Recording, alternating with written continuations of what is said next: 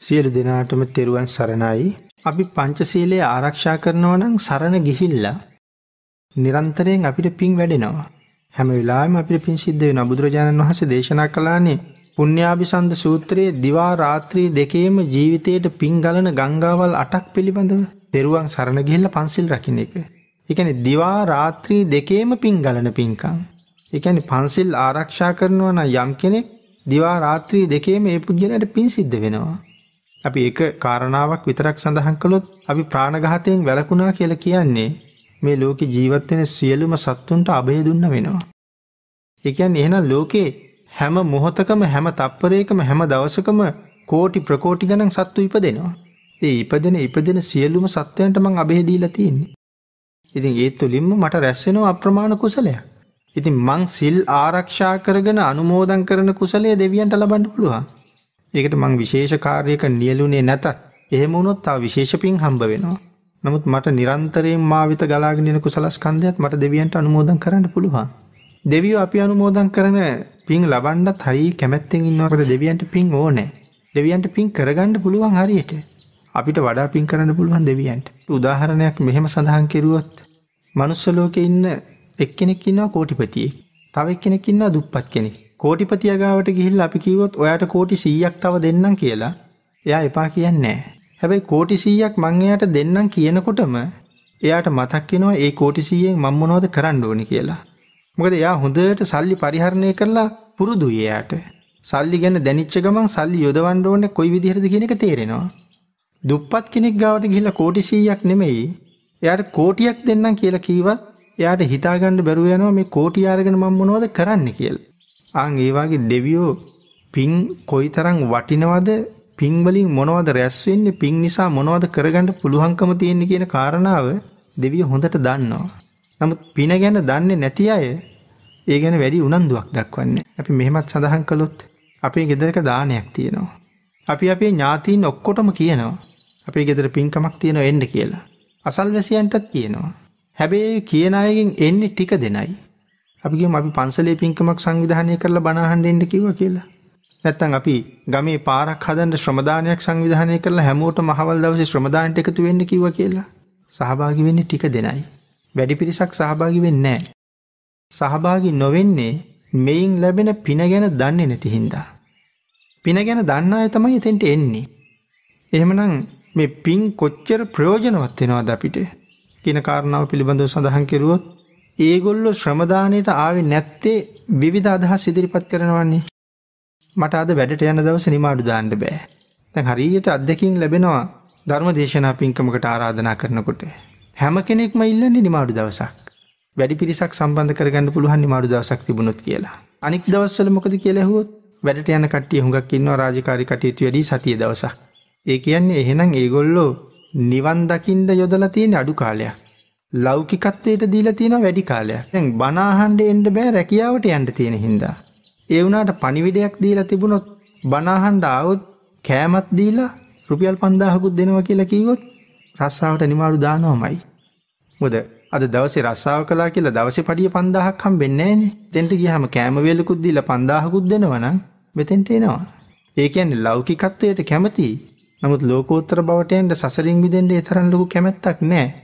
ඒ වගේ දෙවියෝ පින් වලින් මොනවද කරගන්න පුළුවන් කියන කාරණාව හොඳට දන්නවා. පිනේ විපාක දෙවියෝ හොඳට දන්නවා. ඒ නිසා දෙවියෝ Tamanට කොච්චර පින් කරගන්න පුළුවන්කම තිබුණත් අපි දෙන පින් වලට හරි කැමතියි. පින් ලැබුණා කියලා දෙවියන්ට වැඩි නැති හින්දා. ඒ නිසා පින් දෙනවට දෙවියෝ හරි කැමතියි. හැබැයි ඉතින් අපි දෙවියන්ට පින් දෙනකොට අපි කොහොමද පින් දිය යුත්තේ කියන කාරණාව සමහරලාට අපි අවබෝධ කරගෙන නැහැ. අපි සාමාන්‍යයෙන් වැඩිපුරම දකින්නේ පින් දෙනකොට හුඟක් දෙනා දෙවියන්ට පින් දෙන්න කියපු ගමන් මත් දෙක පහළට දානවා. අපි නිකම් වඳින්න නැතුව පින් දෙනවා. අපි ගැන අපිට අවබෝධයක් නැහැ.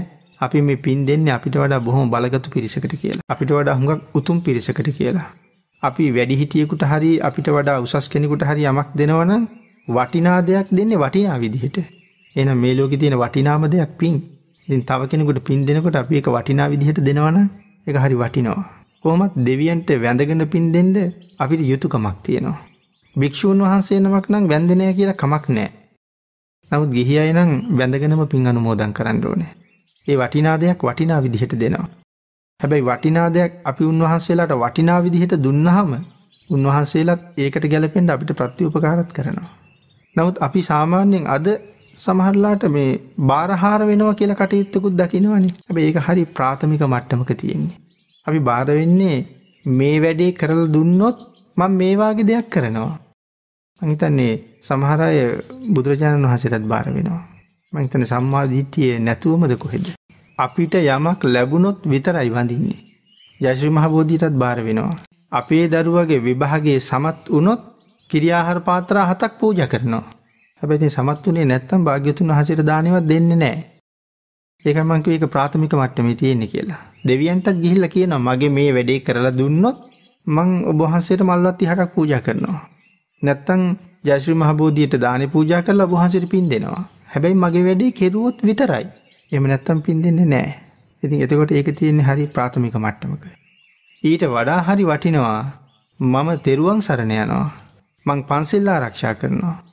මම රුවන්වැලි මහසෑයගාවට ඇවිල්ලා වන්දනාමාන කරලා මේ අයට පින් අනුමෝදන් කරනවා ඒ ආශිර්වාදයෙන් මේ අයගේ මේ කටයුත්ත යහපත් විදිහට කරගණ්ඩ ඒ අයට ශක්තිය ලැබෙන්ඩෝන. මගේ දරුවන්ට යහපතක් කරවන්න ඕන නිසා මම සිල් සමාදන් වෙනවා. මම සිල් ආරක්ෂා කරගෙන ඉන්නවා ඒ පින් දරුවන්ට අනුමෝදන් කරනවා. එතකොට මගේ දරුවෝ ඉල්ල මට ආහාර වේලක් ලබල දුන්නොත් ඒ දරුවන්ට අප්‍රමාණ කුසල් ලැබෙනවා. ඒගොල්ලන්ට පින් කරවන්න ඕන නිසා මං සිල් ගන්නවා. මගේ මේ වැඩේ සිද්ධ වුණොත් මං මේ වැඩේ කරනවා කියලා කියන එක මහිත නිතාම පහළ මට්ටමක තියෙන කාරණාව. එතකට නිකන් අපි අර අල්ලසක් දෙනවාගේ මේක දුන්නොත් ම මේක දෙනවා වගේ. සමහරලාවට මේ මේ කාරණ ඇතුළිනම් හරි වටිනා දේවල් තියෙනවා. නමු දීර්ඝ වශයෙන් සාකච්ඡා කරන්න කාලවෙලාව නැහැවෙන්ට පුළුවන්. අපි කියම අපේ අපේ ඥාතියෙක් මැරුණා. හැබැයි එයා ජීවිත කාලෙම සිල් ගත්තේ නෑ. සිල් රැකීමේ කුසලෙකුත් එයාට නෑ. නමුත් මිය පරලෝගීපු එයාට අපිට පින් දෙන්න ඕනෑ. සිල් ගත්තේ නැති කෙනෙකුට අපිට හොඳට පින් දෙන්න පුළුවන් මම සිල් ගන්නවා. අපි කිව්වො මැරිච්ච කෙනාගේ දේහයේ දවස් තුනක් ගෙදර තියාගෙන ඉන්නවා කියලා. අපි සියලු දෙනාම සිල් පන්සිල් මතවත් හරියට පිහිටලා ඉඳගෙන ඒ සිල් නිරන්තරයෙන් මෙයාට ඒ පින් අනුමෝදන් කිරුවා නම් එයාට පුදුම කුසලයක් ලැබෙනවා. ඉතින් අපි එහෙම දෙයක් වෙන්නේ නැහැ මං දකිතන්නේ වැඩියෙන්ම පව් කරන දවස වෙන්නේ මේ මලකෙවල් දවස් ටික. ඉතින් එතෙන්ට වෙලා අපි පව් කරනවා මිසක් පින් කරන බවක් පේන්නේ නැහනේ. පින්කම් කරලා එයා දන් දුන්නේ නැත්නම් දන් දීලා පින් දුන්නේ නැහැ. එයා සිල් ගත්තේ නැත්නම් අපි සිල් රැකලා එයාට පින් දුන්නේ නැහැ. ඒ වගේ එයා නොකරපු දේවල් අපි කරලා එයා හැමදාම ද්වේෂයෙන් හිටපු කෙනෙක් නම් අපිට පුළුවන් මෛත්‍රී කරලා එයාට පින් දෙන්න. එයාගෙන් එයාට වෙච්ච අඩුව අපි විසින් සම්පූර්ණ කරන්න පුළුවන්. ඉතින් ඒ වගේ වටිනා අවස්ථා රාශියක් මේක කාරණාවක් ඔස්සේ ගැබ් වෙලා තියෙනවා.